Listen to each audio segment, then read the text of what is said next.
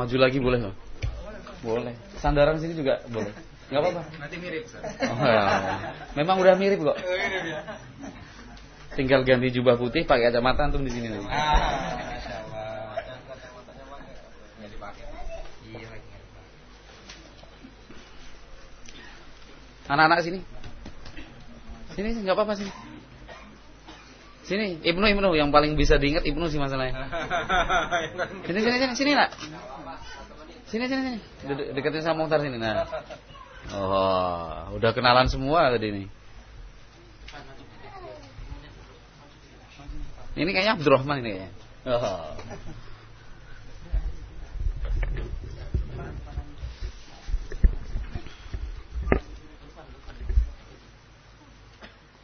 Bismillahirrahmanirrahim. Assalamualaikum warahmatullahi wabarakatuh. Innal hamdalillah نحمده ونستعينه ونستغفره ونعوذ بالله من شرور أنفسنا ومن سيئات أعمالنا. من يهده الله فلا مضل له ومن يضلل فلا هادي له. أشهد أن لا إله إلا الله وحده لا شريك له وأشهد أن محمدا عبده ورسوله صلى الله عليه وعلى آله وأصحابه ومن تبعهم بإحسان إلى يوم الدين. يقول ربنا جل وعلا في كتابه الكريم يا أيها الذين آمنوا اتقوا الله حق تقاته ولا تموتن إلا وأنتم مسلمون فإن أصدق الحديث كتاب الله وخير الهدى هدى نبينا محمد صلى الله عليه وسلم وشر الأمور محدثاتها فإن كل محدثة بدعة wa kulla bid'atin dalalah wa kulla dalalatin finnar. Ikhwati fillah, ikhwan Cikarang dan sekitarnya rahimakumullah. ada banyak ungkapan yang disebutkan oleh ulama kita tentang semangat demikian juga tekad mereka di dalam mempelajari agama Islam. Dan kata-kata mereka itu adalah kata-kata yang luar biasa kalau dibandingkan dengan kondisi kita sekarang ini kata-kata luar biasa yang mereka sampaikan dan mereka ucapkan itu juga bukan kata-kata yang terucap saja. Tetapi mereka juga membuktikan secara nyata bahwa kata-kata itu bukan cuma pemanis lisan. Mereka ungkapkan dengan kata-kata dan mereka praktekkan dan wujudkan dalam kehidupan nyata. Itulah para ulama kita rahimahumullah. Nah, ulama kita rahimahumullah. Mereka bukan cuma mengatakan saya cinta ilmu. Saya senang dan semangat untuk belajar Islam. Tetapi mereka praktekkan dengan hal-hal yang seandainya pun terfikirkan oleh kita, mungkin kita tidak mampu melakukannya. Ya. Berpisah dengan orang tua dan keluarga, meninggalkan kampung halaman dan tempat kelahiran, yang bukan dalam hitungan setahun dua tahun, tapi belasan tahun bahkan puluhan tahun mereka habiskan harta yang dipunya untuk tetap melanjutkan dalam tolabul ilmi, belajar agama. Jadi jangan heran kalau misalkan kita mendengar bahwa sebagian ulama menjual perkakas dan perabot rumah tangga sampai kayu usuk rengnya pun dijual. Nah, jadi kayu penyangga rumah itu dikurangi hanya untuk dijual sebagai bahan guna melanjutkan tekad dan semangat mereka di dalam tolabul ilmi. Yang mereka lakukan itu bukan satu hal yang berlebihan. Bukan pula satu hal yang membahayakan. Karena kayu yang diambil juga tetap mempertimbangkan kekuatan dari apa konstruksi atap itu sendiri. Bukan semua diambil bukan. Tapi mestinya atap itu bisa ditahan oleh 10 batang kayu. Tapi pada pendiriannya di apa di, ditambah menjadi 13 atau 14 kayu yang diambil 3 atau 4 kayu itu yang 10 tetap sebagai kekuatan minimal dari konstruksi atap nah itu para ulama kita rahimahumullah jadi bukan cuma semangat aja ya. mohon maaf bukan cuma tertulis sebagai talibul ilmi Cikarang TIC aja nah, itu. jazakumullah khairan itu sudah menggambarkan itu adalah langkah besar lompatan yang cukup jauh ketika kita sudah menjadikannya sebagai semboyan dan slogan hidup kita. Talibul ilmi atau talabul ilmi, Abu Fadilah? TIC itu. Karena saya tadi dapat kehormatan kaos TIC tadi. Lengkap dengan sama nama saya juga, Ibn. Talib atau tolab? Talibul ilmi Cikarang ya. Iya, itu sebuah lompatan yang cukup jauh. Nah, jadi sering kita baca, sering kita upload Talibul ilmi Cikarang. Luar biasa. Jazakumullah khairan. Patut ditiru. Nah. nah, dalam kesempatan malam hari yang berbahagia ini, coba kita mendengarkan bersama uh, sebuah rangkaian kata yang diucapkan seorang ulama besar yang uh, yang lahir hidup kemudian meninggal dunia di abad keempat atau abad kelima hijriyah empat ratusan tahun hijriyah sehingga kurang lebih seribu tahun yang lalu. Nah, seribu tahun yang lalu nama beliau mungkin belum begitu akrab dengan kita tetapi hal ini dinukil oleh al-imam al-hafidh Ibnu Kathir rahimahullah dalam karya monumentalnya Al-Bidayah wa Nihayah yang juga bisa kita temukan dalam kitab Siyar A'lamin Nubala demikian juga kitab Tarikhul Islam yang disusun oleh Imam Az-Zahabi rahimahullahu taala. Nah, nama beliau itu Abu Turab Al-Maraghi. Abu Turab Al-Maraghi rahimahullah. Kata Al-Maraghi rahimahullah, wallahi la julusu sa'atin fi hadzal masjid ahabbu ilayya min mulki al-iraqaini. Nah, itu beliau tanamkan betul untuk murid-muridnya. Beliau sampaikan untuk ditancapkan sebagai sebuah akidah, ideologi untuk orang-orang yang hadir saat itu. Tetapi kita sudah faham bahwa para ulama kita bukan hanya mengucapkan kata-kata sebagai pemanis lisan, tapi beliau sendiri sudah mempraktekannya seperti apakah semangat tolabul ilmi keliling berbagai negeri. Berjalan kaki, mengumpulkan ilmu satu persatu dari Nabi Muhammad SAW melalui jalur periwayatan-periwayatan para ulama. Kata Al-Maraghi rahimahullah, demi Allah, sekejap saja saya duduk di masjid ini, lebih saya pilih dibandingkan berkuasa atas dua negeri Irak dan Syam. Al-Iraqain itu Irak dan Syam. Nah, Irak saja sudah luas. Negeri Syam sendiri itu pun juga luas. Apalagi ini digabungkan. Ala mulkil Iraqain Irak dan Syam.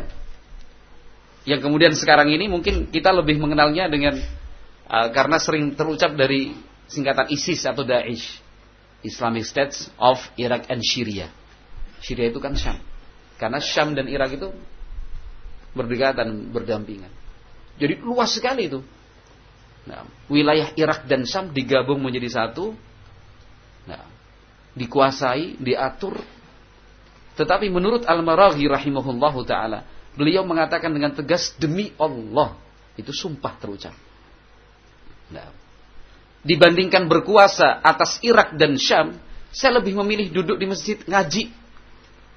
Walaupun saat saat itu bukan satu jam kalau dalam konteks yang beliau sampaikan.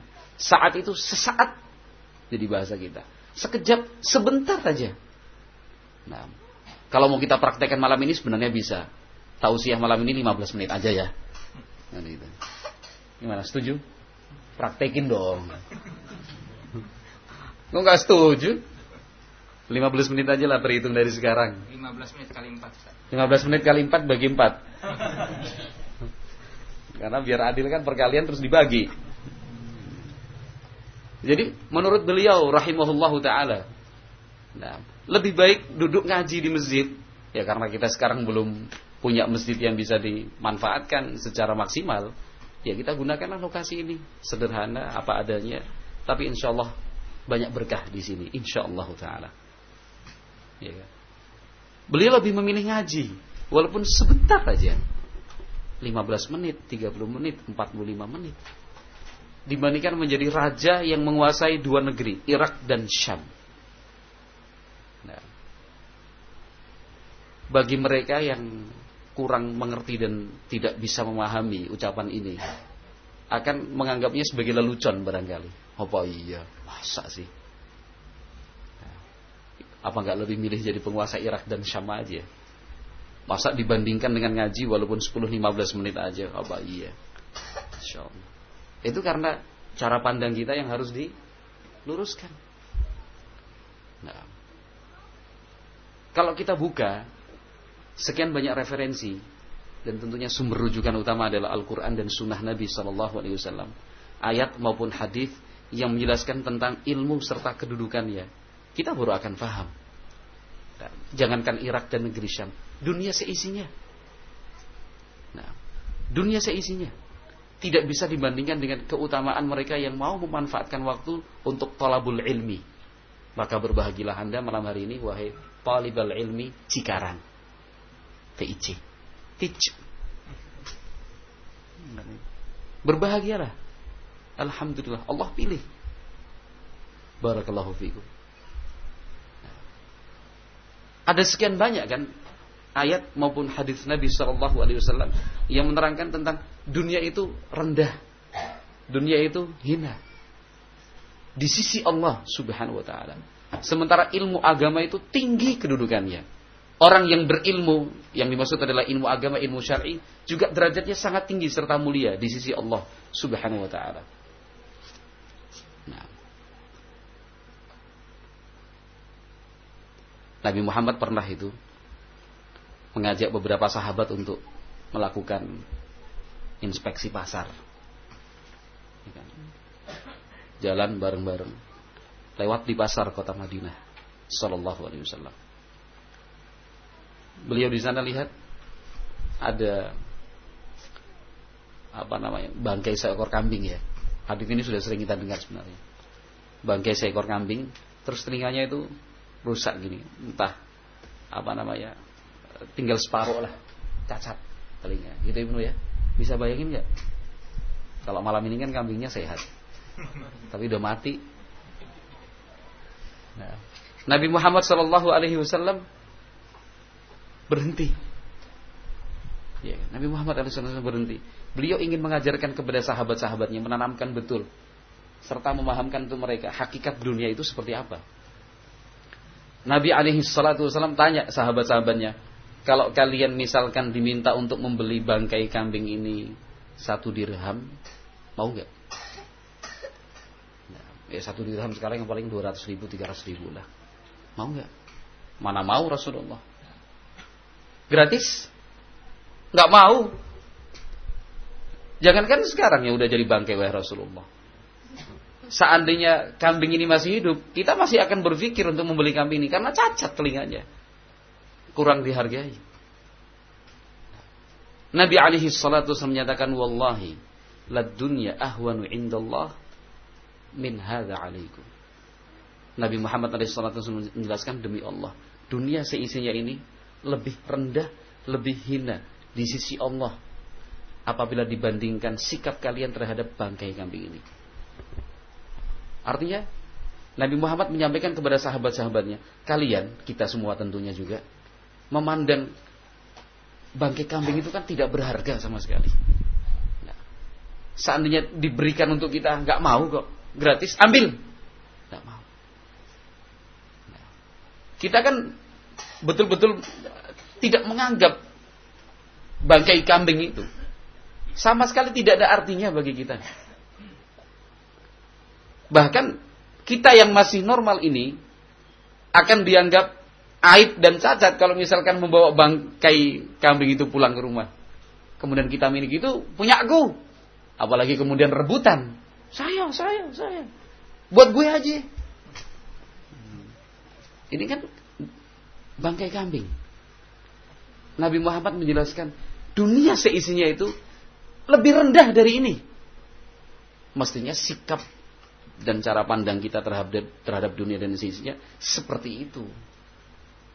Barakallahu fikum. Seperti itu. Nah. Sahabat Umar Ibn Khattab radhiyallahu taala pernah membawa teman-temannya juga sahabat-sahabatnya menuju tempat apa? Pembuangan sampah. kalau kita bilang sekarang TPA, tempat pembuangan akhir, Bantar Gebang. Iya kan kalau kita kan Bantar Gebang. Itu sengaja itu. Umar bin Khattab bawa teman-teman murid-muridnya, sahabat-sahabatnya ke sana satu rombongan. Gitu. Berhenti di tumpukan sampah itu udah pada bau supaya ini. Bau banget kan? Jangankan tumpukan sampah, kita sampah dapur aja yang sudah satu plastik itu kita mau bukanya, ih, udah cair, banyak uletnya. Belatungnya nggak usah dibayangin deh. Bau kan itu. Jadi itu orang-orang yang satu rombongan dengan orang-orang udah. Umar bin Khattab menyampaikan, "Kenapa kalian kok seperti itu?" Ini sampah ini. Kata Umar bin Khattab, dunia dan seisinya lebih busuk daripada tumpukan sampah ini. Cuman ya hanya mereka yang berakal saja yang nyambung. Kalau yang akalnya kurang, apa iya? Ustaz ini ada-ada aja. Ada-ada aja gimana Nabi kok yang mengajarkan Umar Ibn Khattab juga yang kemudian mempraktekkan radhiyallahu taala. Nah, itu dunia seisinya. Apalagi hanya kekuasaan negeri Irak dan negeri Syam yang hanya sekian persen dari dunia seisinya itu. Nah, sementara ilmu agama Al-Quran maupun hadis Nabi Sallallahu Alaihi Wasallam pahalanya berlipat-lipat. Bukankah terkadang satu ilmu itu bisa menjadi sebab seorang kafir masuk Islam? Bukankah terkadang satu bentuk ilmu menyadarkan orang yang sekian banyak terjatuh dalam dosa dan kesalahan? Dia bertaubat. Bukankah satu ilmu yang kita pelajari bisa mendamaikan antara dua pihak yang sudah puluhan tahun menyimpan dendam? Bukankah satu ilmu terkadang bisa menyelesaikan masalah dan persoalan yang sedang kita hadapi? Satu ilmu saja. Nah. Ilmu yang keutamaannya luar biasa. Nah, sesaat dan sekejap itu wajar kalau dikatakan oleh Al-Maraghi rahimahullah lebih saya pilih daripada menjadi penguasa Irak dan Syam rahimahullah. Nah, kata-kata dari beliau ini barulah bisa dirasakan secara sempurna oleh mereka yang betul-betul sudah menjadikan talabul ilmi itu sebagai semangat dan nafas hidupnya. Nah, kalau belum sampai ke sana ya barangkali masih meragukan atau bertanya-tanya prakteknya gimana sih, hakikatnya bagaimana sih. Tapi kalau nafas kehidupan itu memang tolabul ilmi, ngaji, ngaji, ngaji, luar biasa. Ya minimalnya ketenangan hiduplah kita dapat. Itu minimal. Waridwanun minallahi akbar. Keriduan dari Allah itu jauh lebih besar dan lebih agung daripada itu semua.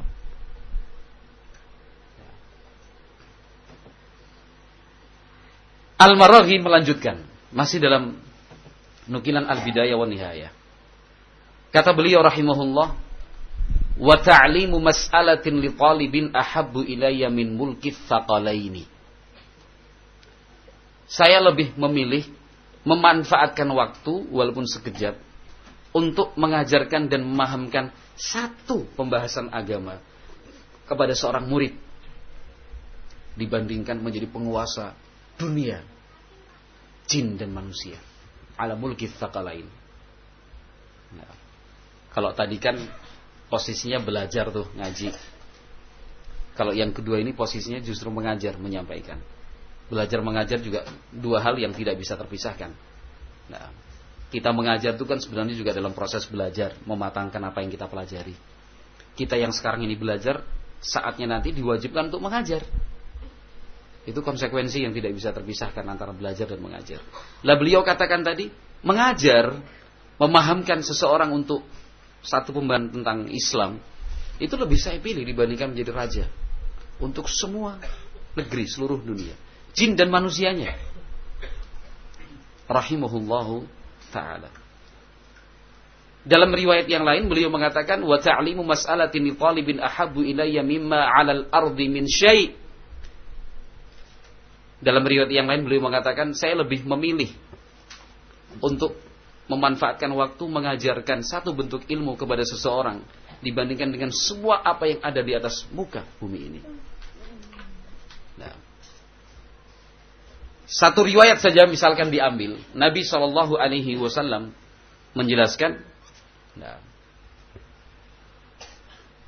Inna Allah wa malaikatahu wa ahlas samawati wal ardi hatta namla fi juhriha wa hatta al-ma wa hatta al-hut fil bahri la yusallun atau la yastaghfirun. Riwayat yang lain. Limuallimi an-nasal khair.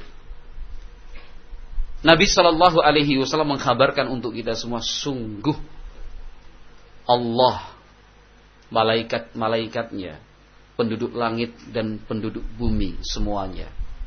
Bahkan semut yang ada di dalam sarangnya ikan yang ada di dalam air berenang.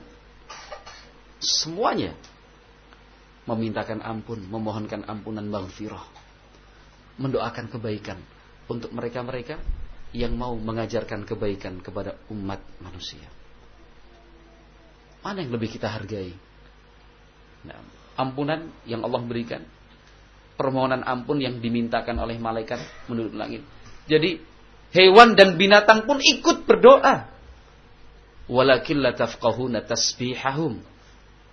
Akan tapi kita saja kalian semua yang tidak bisa memahami tasbihnya mereka itu seperti apa doa mereka itu bagaimana bentuk suaranya dan yang lainnya. Tapi kita yakin karena itu adalah sabda dari Nabi Muhammad Sallallahu Alaihi Wasallam. Nah, dimintakan ampun, dibohonkan kebaikan. Subhanallah. Al-Maraghi melanjutkan. Rahimahullahu ta'ala. Beliau mengatakan, Wallahi, la aflah qalbun ta'allaqa bid-dunya wa ahliha. Demi Allah, tidak akan pernah beruntung dan tidak akan pernah bisa merasakan hakikat bahagia. Mereka yang mempunyai hati tapi terikat dan tergantung dengan dunia serta para pengejar kehidupan dunia. Kurang keras.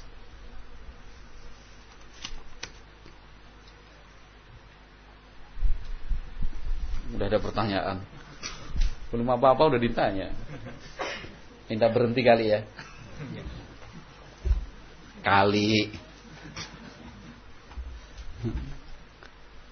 Jadi beliau tegaskan seperti itu demi Allah. Tidak akan mungkin kita itu bahagia, nggak mungkin. Sekalipun merasakan bahagia, tapi itu cuma fata morgana aja dia sifatnya sementara. Tapi kalau yang ingin mendapatkan bahagia dalam arti yang sesungguhnya, dia harus bisa memutus keterikatan hati dengan dunia dan para pengejar serta para penghamba dunia. Ya memang seperti itu. Nah, kalau hati kita masih terikat dengan dunia, dengan mereka yang mengejar serta mencari dunia secara melampaui batas, nah, hati kita masih terikat, ya isinya mah cuma kecewa, sakit hati, tersinggung, marah, emosi. Nah, contoh nih, misalkan persaingan yang tidak sehat. Ada dari kita misalkan jualan apa namanya uh, alat perabot rumah tangga spesialis sapu, kemudian apa namanya apa sekop untuk ngambil sampah itu Pengki ya, bahasa Cikarangnya mah pengki. Tapi sebelum saya lanjutkan, ada nggak yang punya profesi itu di sini? Biar nggak tersinggung gitu maksudnya. Ada nggak? Jadi keliling-keliling nitipin di toko sapu lantai, sapu apa sapu lidi, kemudian alat pel rumah tangga, kemudian itu pengki tadi itu apa? Hah? Ekra. Ekra. Uh, bahasa secang secangnya ekra. Tapi sebelum dilanjut ada nggak yang punya profesi ini? Jangan sampai nanti di belakang repot nanti ya. Nggak ada ya. Kalau ada kita cari contoh yang lain nih. Cuman pas kebetulan di benak saya itu yang muncul. Ada nggak mas kira-kira?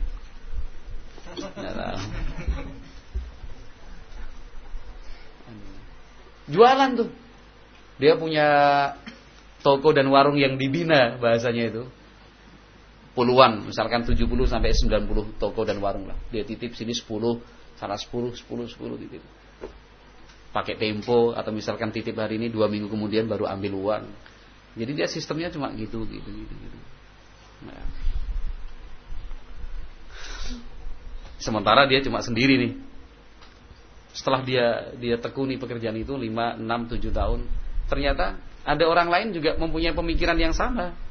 Nitipin barang-barang seperti itu toko-toko dan warung juga. Nah, persis. Sapu lantai, sapu lidi, alat pel, tong sampah. Ya kan? Kemudian pengki atau ekrak tadi. Kan Lihat, jujurlah kita mengakui. Kalau misalkan di dalam hati kita merasa apa terzolimi, kita merasa wilayah kita diganggu, kita merasa rezeki kita debut, kita merasa dikhianati. Orang seperti ini nggak mungkinlah bahagia hidupnya. Kenapa? Dia masih terikat dengan dunia. Nah, dia masih terikat dengan dunia. Mereka yang tidak terikat hatinya dengan dunia pasti bisa berpikir dan yakin bahwa rezeki itu nggak akan lari ke mana-mana. Rezeki itu kan sudah tercatat sebelum kita lahir di dunia. Pasti dalam kandungan ibu kita, rezeki itu sudah tercatat dengan rapi. Sampai kemudian sebagian ulama mengatakan rezeki itu seperti ajal kematian. Nggak mungkin kita bisa menghindar. Nah, yang namanya kematian itu pasti datang, rezeki pun pasti datang. Tapi jangan cari mati. Jangan diam untuk kemudian tidak mencari rizki. Beda loh. Wah kan kematian tuh nggak bisa dimajukan, nggak bisa diundur. Terus cari mati sengaja gitu. Berdiri di atas rel kereta api gitu. Ya jelas mati. Nggak boleh itu dijadikan sebagai alasan. Kan mati udah ditentuin Ustaz. Kalau memang nggak mati gimana? Berdiri di atas rel kereta api bisa aja kereta apinya jumplang, jungkil gitu. Ini masih kuat. Itu mah apa namanya akalnya kurang. Sama juga dengan rezeki mah. Ustaz Muhtar bilang nukil dari ulama rezeki itu kayak mati. Walaupun nggak dicari-cari dia datang pasti. Bukan kemudian dijadikan alasan tidak mencari rezeki, tetap cari itu. Karena yang mengatakan seperti itu mereka para ulama yang juga memberikan nasihat untuk kita carilah rezeki itu. Nabi Muhammad SAW juga demikian. Allah dalam Al-Quran juga mengatakan seperti itu. Nah, fa idza qudiyatis salatu fantashiru fil ardi wabtaghu min fadlillah. Kalau sudah selesai salat, kembali menyebarlah di atas muka bumi. Wabtaghu min fadlillah. Carilah keutamaan dari Allah sebagiannya, yaitu rizki yang Allah bagi-bagikan untuk hamba-hambanya. Nah, barakallahu fikum. Kita kembali ke contoh tadi yang jualan apa tadi Ibnu? hmm, apa ya Yahya mana Yahya tadi gimana Yahya tadi jualan apa tadi yang Ustaz Mukhtar berikan contohnya perabotan seperti satu seperti pengki uh, dua sapu tiga pel empat yang terakhir tong sampah. Pintar masya Allah anak-anak kita ini. Empat seorang hamba yang sudah tidak ada keterikatan hati dengan dunia dan sisinya itu, lihat temannya seperti itu, dia tidak merasa rezekinya diambil, masya Allah, bersaing. Jadi kalau misalkan sebelumnya dia cuma asal-asalan aja, ini sekarang ada pesaing nih, jadi tambah semangat. Kalau misalkan sebelumnya ke pemilik toko itu cuma datang, wah titip ya. Sekarang dia sudah merubah sikap, Pak. Mau nitip lagi nih. Apa yang kurang? Barangkali ada keluhan. Jadi dia perbaiki kualitas pelayanannya, marketingnya itu ditingkatkan, servisnya juga diperbaiki. Ini kan sehat, permainannya sehat, persaingan seperti ini sehat. Tidak dianggap sebagai musuh, tidak dianggap sebagai apa namanya pihak yang menjatuhkan dan mengganggu apa proses pencarian rezeki kita. Tidak, tapi dirangkul sebagai teman. Bahkan bila perlu jalin komunikasi suatu yang namanya bisnis kan tidak selamanya stok itu selalu ada. Kadang-kadang kita punya toko yang kita bina misalkan 70, Kemudian ternyata ada beberapa toko yang permintaannya luar biasa melonjak sebelum bulan Ramadan. Permintaan misalkan tempat sampah yang bentuknya kotak. Kan kita ditelepon nih, ini saya nggak punya barangnya mas, bisa didatengin nggak? Bisa 10, 10, 10, 100 biji untuk 10 toko. Padahal stok di tempat kita 50. Masya Allah. Telepon orang tadi, mas, antum apa jenengan punya stok nggak ini? Tong sampah yang kotak. Oh ada, kenapa? Untuk saya ambil dari jenengan. Berapalah harga bakul?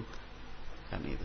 Atau misalkan lebih baik dari itu, tuh ada beberapa toko tuh pesen saya kewalahan nih, punya saya cuma 50 padahal masih ada yang lain perlu. Ini tokonya A, B, C, D, E, 5 toko.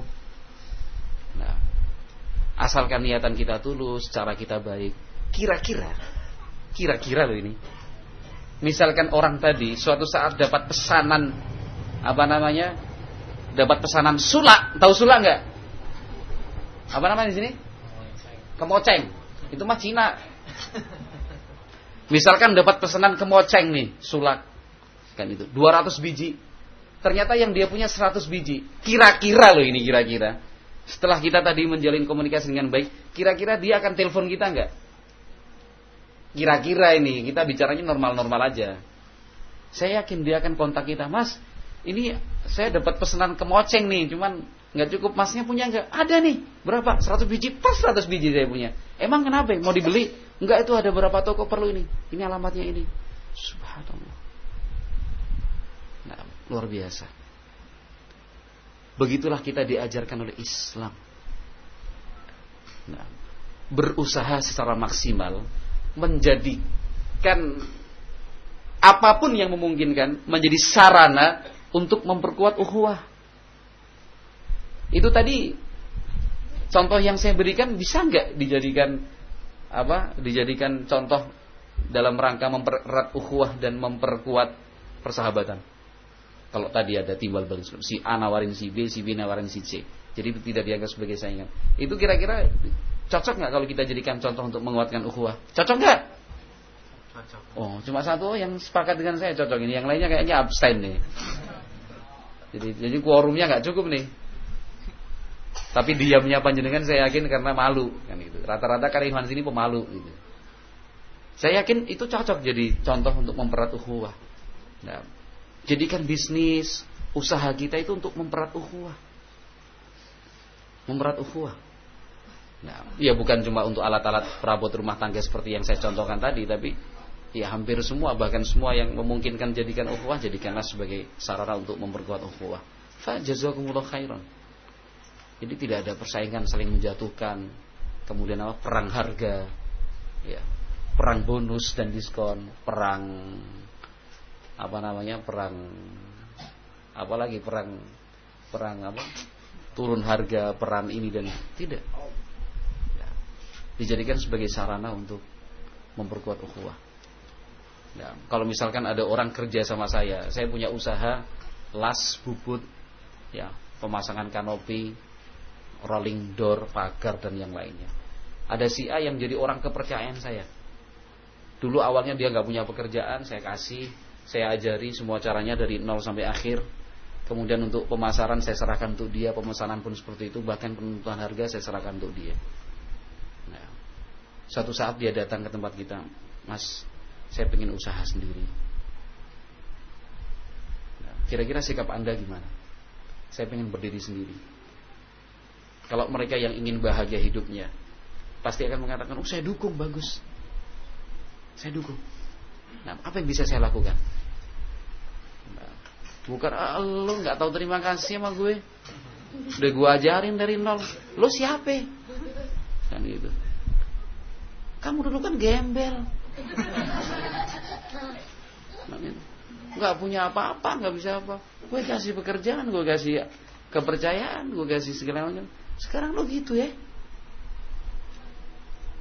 Orang seperti ini pasti banyak kecewa hidupnya. Sakit hati terus. Hidupnya nggak pernah nyenyak. Jadi selalu memposisikan orang itu sebagai calon musuh gitu. Betul nggak? Orang ini nggak mungkin hidupnya nyenyak kan itu. Tapi coba bayangkan dengan orang yang bisa memahami hakikat dunia itu. Senang dia, alhamdulillah. Saya bantu. apalagi dia niatkan itu sebagai sedekah. Jangan lupa. Ya. Membantu atau mengajarkan orang yang tidak punya keterampilan sampai kemudian dia punya keterampilan setelah kita berikan ajaran. Itu pun tercatat sebagai sedekah. Itu tercatat sebagai sedekah. Di dalam Islam begitu, didorong memang keterampilan dan skill yang kita punya diajarkan ke sana kemari. Nih, aku bisa ngelas, kamu belajar ngelas nggak? Bukan cuma kepentingan akhirat aja yang kita kejar, yang dunia tapi bisa membantu serta memuluskan kebahagiaan kita nanti di akhirat, itu juga dikembangkan dong di antara kita. Nah, pernah ada satu ikhwan itu telepon sama saya, angkatan laut masih aktif. Ustaz jauh dari Surabaya sana, telepon saya. Ustaz saya cuma pengen usul aja Ustaz. Pripun mas? Ini gini Ustaz, kalau panglima kami di angkatan laut itu apa beberapa bulan sebelum anggota-anggota itu pensiun itu diberi pendidikan dan pelatihan keterampilan. Resmi dari apa dari dinas angkatan. Harapan dari panglima kami ketika kami itu pensiun tetap bisa hidup. Nah jadi diberi fasilitas saya bilang wah ide yang bagus tuh maksudnya coba kita kembangkan di kalangan kita sendiri kita berbagi pengetahuan dan kemampuan. Ada dari kita misalkan punya kemampuan ngelas, punya kemampuan kayu, punya kemampuan menjahit, punya kemampuan marketing, punya pengakuan bahwa kemampuan desain, punya pengakuan ini dan segala macam. Coba kalau kita tawarkan siapa yang mau anak ajari gratis, bukan dikomersialkan enggak.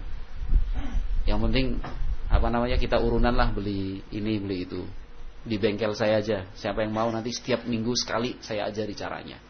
Nanti saya ajarkan, saya beritahu tempat pengambilan besi yang paling murah di Cikarang tuh di mana. Kan itu. Bentuk-bentuknya. Kalau ada kesulitan nanti saya akan bantu. Murni. Lillah. Untuk menjaga ukhuwah.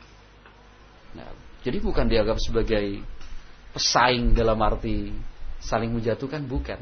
Islam itu sebenarnya begitu, saudaraku. Islam itu sebenarnya demikian.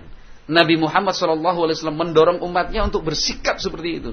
Tapi masya Allah, memang hati kita ini yang terlalu berat untuk kemudian tidak berpisah dengan dunia, terlalu banyak jelimet hitung-hitungan dunianya. Entar, entar, entar, entar apa? Entar apa? Entar usaha gue kurang, entar pelanggan gue lari, entar ya Allah. Betapa takutnya kita dengan sesuatu yang sudah dipastikan dan dijamin, yaitu rizki. Apa yang kita takutkan? Apa yang kita takutkan? Jadikan itu sebagai momen untuk memperkuat ukhuwah, membantu orang yang tidak mampu, sedekah, ya kan? Kita memberi pekerjaan untuk orang lain, dia akhirnya memilih beberapa orang untuk dipekerjakan di tempat dia. Manfaatnya itu luar biasa. Nah, kalau misalkan dulu pengurus ada program yang membantu cuma saya dengan adanya anak buah saya kemudian berdiri sendiri, pengurus tambah seneng tuh. Berarti tambah satu lagi donaturnya. Nyambung nggak? Iya. Nyambung. Antum siapa namanya? Abu Hasan. Sebelumnya Abu Hasan kerja sama Ana. Pengurus kan nggak nggak mungkin ngubungi Abu Hasan. Antum mau bantu nggak ini ada program gini? Karena masih jadi karyawan saya. Saya bosnya nih. Tapi Abu Hasan kemudian berdiri sendiri. Anu Pak Muhtar saya juga pengen berdiri sendiri nih seperti jenengan dulu. dulu kan begitu juga Pak Muhtar iya betul rata-rata kan begitu ya sudah saya dukung sukses nih nah sukses nanti Abu Faiz yang orang Betawi asli dari Halim itu yang jadi biasa jadi umas misalkan itu akhirnya dapat amanah dan tugas dari pengurus antum cobalah menghubungi beberapa ikhwan ini ada program yang akan dia datengin bukan cuma anak nih tapi udah dua Pak Muhtar dengan Mas Abdul Hasan jadi berpikirnya itu positif untuk ibadah, untuk dakwah. Jazakumullah khairan. Orang seperti ini hidupnya ayam tentrem, makan enak, minum enak, tidur juga nyenyak. Tapi kalau orang yang pertama tadi, jadi isinya cuma uh, gerem, kesel, jengkel gitu. Sepet matanya itu. Jadi coba ngelamun kenapa? Gila tuh orang. Kenapa? Berkhianat tuh orang tuh. Insya Allah. Nah, hati kalau sudah penuh dengan yang seperti itu wah nggak mungkin tenang, nggak mungkin damai hidup ini terasa. Fajazakumullah khairan. Alhamdulillah kita setiap hari terus di apa namanya di di amplas ya dengan ilmu itu biar hati kita halus lembut kan itu. Al-Maraghi rahimahullahu taala melanjutkan. Ya. Melanjutkan. Innamal ilmu dalilun. Fa illam yadullahu 'ala zuhdi fid dunya wa ahliha lam yahsul 'ala ta'ilin minal ilmi. Dipertegas lagi oleh Al-Maraghi. Sudah hampir satu jam nih. Dipertegas lagi oleh Al-Maraghi rahimahullah. Kata beliau rahimahullahu taala, ilmu itu hakikatnya adalah petunjuk rambu pelita yang bercahaya. Itu ilmu. Maka siapa pun dari kita yang mempunyai ilmu tetapi tidak bisa dia jadikan sebagai cahaya penerang, tidak bisa dia jadikan sebagai rambu, tidak bisa dia jadikan sebagai petunjuk untuk bersikap zuhud terhadap dunia. Abu Fadil menambah konsentrasi nih. Kayaknya udah matang ya. Hah? Belum. Berarti kita skor sekarang dulu nih. Biar lebih cepat. Kan banyak tenaganya nih Abu Faiz. Jadi seandainya seseorang atau siapa pun dari kita yang merasa punya ilmu, tetapi ilmu itu ternyata tidak membantu dia untuk bersikap zuhud terhadap dunia dan para para pengejarnya. Nah, itu bukan ilmu namanya. Kata Al-Maraghi rahimahullah. Itu bukan ilmu. Nah,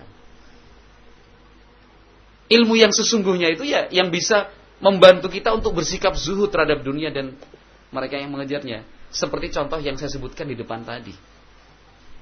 Nah, walau alima ma alima, walaupun sebanyak apa ilmu yang dia punya, itu belum layak dikatakan sebagai ilmu. Kalau ternyata dia sudah rajin nyatet, rajin rekam, rajin hadir di majelis talim, rajin membantu, rajin meringankan beban dakwah, tapi ternyata masih ada sikap seperti itu dalam hatinya. Seperti contoh yang saya sebutkan di depan tadi. Mohon maaf, ilmu itu bukan ilmu yang bermanfaat. Nah, bukan ilmu yang bermanfaat. Walau alima ma alim. Nah. Innamal ilmu nafi'u ma wara'a dzalik ilmu yang bermanfaat itu sebenarnya yang tidak seperti itu. Yang mengajarkan kita membawa serta mendorong kita untuk bersikap zuhud. Semeleh, legowo terhadap dunia dan seisi. Al-Maraghi melanjutkan, Wallahi, lau kuti'at yadi wa rijli wa kuli'at aynaya ahabbu ilayya min wilayatin fiha inqita'un anillah wa anid daril akhirah wa ma huwa sababu fauzil muttaqin wa sa'adatul mu'minin wa sa'adatil mu'minin.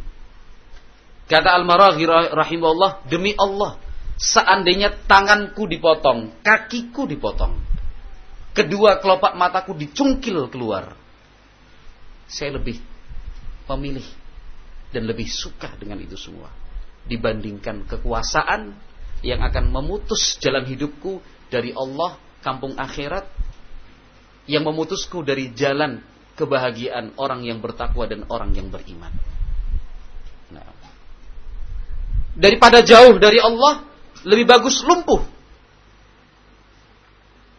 Nah, daripada kita terputus dari akhirat, lebih baik kita cacat.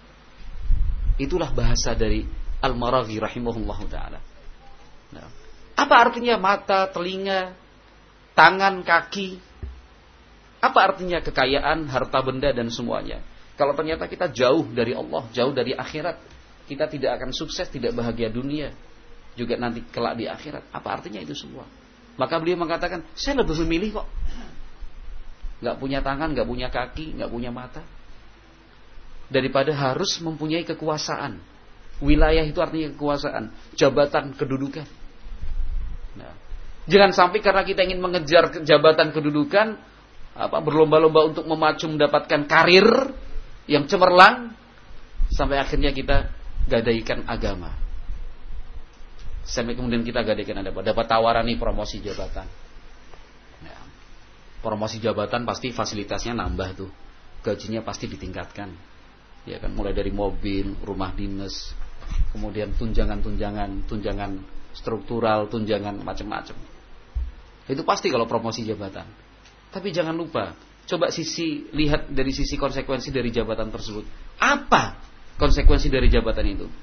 Ternyata salah satu konsekuensi dari jabatan itu kita harus bertemu langsung untuk ya tidaknya tender itu diterima.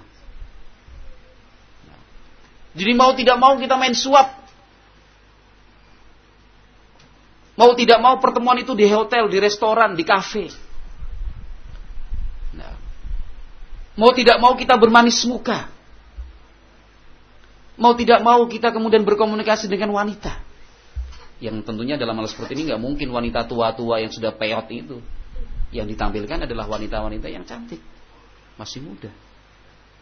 Yang bajunya seksi. Na'udzubillah. Itu konsekuensi dari promosi jabatan. Nah, mau tidak mau kita harus mengikuti calon apa calon nasabah itu untuk proyek kita. Yang penting proyeknya lolos. Kan itu. Minta apa, Pak? Fasilitas apa ini? Kami kirim mobil, kami kirim komputer, kami kirim laptop. Kan itu. Pertemuan di mana? Oh, nanti malam di kafe ini. Oh ya, siap. Kan itu. Kita udah nunggu misalkan siang hari dari jam 11 nggak datang-datang juga. Nggak mungkin kita kejar-kejar gimana Pak? Jadi enggak. Karena kita butuh untuk apa goalnya proyek itu. Setengah 12 jam 12 belum datang juga. Kita sholat duhurnya antar aja. Jam 1 jam 2 juga belum datang. Pas setengah 3 betul-betul nggak datang kita baru sholat duhur. Astagfirullah. Itu pun sholat duhurnya udah terlambat. Selesai salam cepat-cepat pengen lihat HP. Jangan-jangan calon pembelinya udah datang takut nanti gagal proyek. Itu kan konsekuensi dari promosi jabatan. Masya Allah. Lebih baik jadi karyawan kasar. Buruh yang dipandang hina. Lebih baik miskin. Tidak punya apa-apa. Tapi kita bisa dekat dengan Allah subhanahu wa ta'ala. Coba bayangkan. Ulama Al-Marazi rahimullah. Abu Turab lebih milih apa? Gak punya tangan, gak punya kaki, buta. Tapi punya kesempatan dekat dengan Allah Subhanahu wa taala. Punya kesempatan kesempatan untuk tolabul ini. Punya kesempatan untuk kumpul bersama keluarga, istri dan anak-anak. Punya kesempatan untuk berbakti kepada orang tua secara maksimal. Nah, daripada ngejar jenjang karir, pangkatan, kedudukan, sekolah lagi, sekolah lagi, sekolah lagi, sekolah lagi. Tapi konsekuensinya la haula wala quwata illa billah. Itu nasihat berharga dari seorang ulama Abu Turab Al-Marawi rahimahullahu taala. Antum semua di sini patut dan selalu bersyukur kepada Allah Subhanahu wa taala. Semangat itu sudah terlihat jelas. Dan itu terus terang saja adalah sebuah daya tarik tersendiri buat saya untuk datang ke sini. Bayangkan dalam hitungan bulan tiga kali saya ke sini. Iya kan? Tiga kali. Nah. Ya, apa ketertarikan, kemudian kedekatan, kemauan dan segala macamnya itu juga dipengaruhi oleh banyak faktor. Salah satu faktornya adalah semangat dan tekad dari antum yang alhamdulillah nampak jelas begitu. Kalau misalkan semangat itu tidak ada, saya masih bisa beralasan ke Ustaz Abdul Hasan. Afwan Ustaz ini acara keluarga, nggak bisa betul, afwan sekali. Bisa kan saya beralasan seperti itu?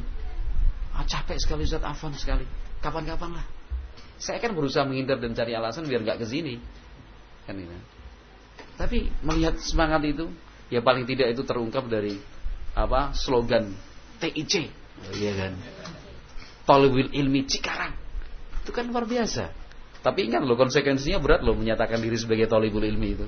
Tapi jangan sampai karena takut dengan konsekuensi berat ya udah dah nggak usah tolibul ilmi. Ya kalah dua langkah dengan kalah dua langkah itu namanya. Nah, sudah kita melaju satu langkah kok kemudian mundur. Itu menjadikan TIC Tolibul Ilmi Cikarang kemudian kita tempel di baju kita jadikan stiker kemudian kita jadikan website jadikan ya, macam-macam. Kan gitu ya. Media sosial dan yang lainnya. Nah itu sudah satu kemajuan yang besar lompatan yang jauh saya katakan. Jangan sampai kemudian kita mundur hanya karena takut dengan konsekuensi-konsekuensi itu kan begitu ya. Justru konsekuensi-konsekuensi itu kita hadapi dengan dengan jantan kan gitu ya. Ya, berarti harus ngaji nih, harus semangat dan seterusnya. Jaga ukhuwah, program dakwah. Ya, program yang digulirkan asatidah. ya, disetujui dan dibina oleh beliau-beliaunya. Jalankan dengan hati lapang, hati senang, dengan tulus. Fa jazakumullah khairan. Saya katakan ini termasuk yang dari Tambun juga loh ya. Jangan wah, Ustadz nih Cikarang aja. Ya Tambun kan juga karena ITC, ya kan. ITC, Ikatan Tambun Cikarang. ITIC ya. Nah, Tambun apa inya kemudian Cikarang? Ikatan Cikarang. Tam, Tambun Ikatan Cikarang. Nggak cocok lah. Tambun ikut Cikarang.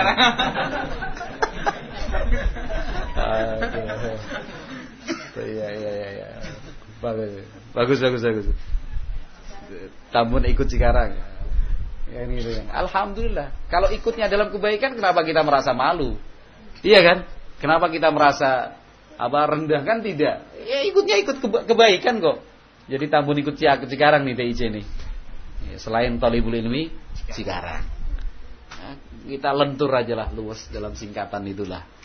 Tapi yang jelas nasihat dari Abu Turab Al-Marawi rahimahullah yang dinukilkan oleh Al-Hafidh Ibnu Katsir dalam kitabnya Al-Bidayah wa Nihayah yang mudah-mudahan menjadi salah satu motivasi buat kita dalam kesempatan malam hari ini. Mudah-mudahan Allah Subhanahu wa taala senantiasa mencurahkan untuk kita semangat untuk terus ngaji ya. Jangan lupa itu Talibul ilmi sekarang itu amanah. Terlanjur antum memilih kata-kata itu. Tidak bisa lagi dihapus dari kamus dakwah salafiyah di Indonesia. Terlanjur hadapi konsekuensinya. Jangan mundur. Wallahu a'lam bishawab. Subhanakallahumma wa bihamdik asyhadu an la ilaha illa anta astaghfiruka wa atubu ilaik. Assalamualaikum warahmatullahi wabarakatuh. Ya.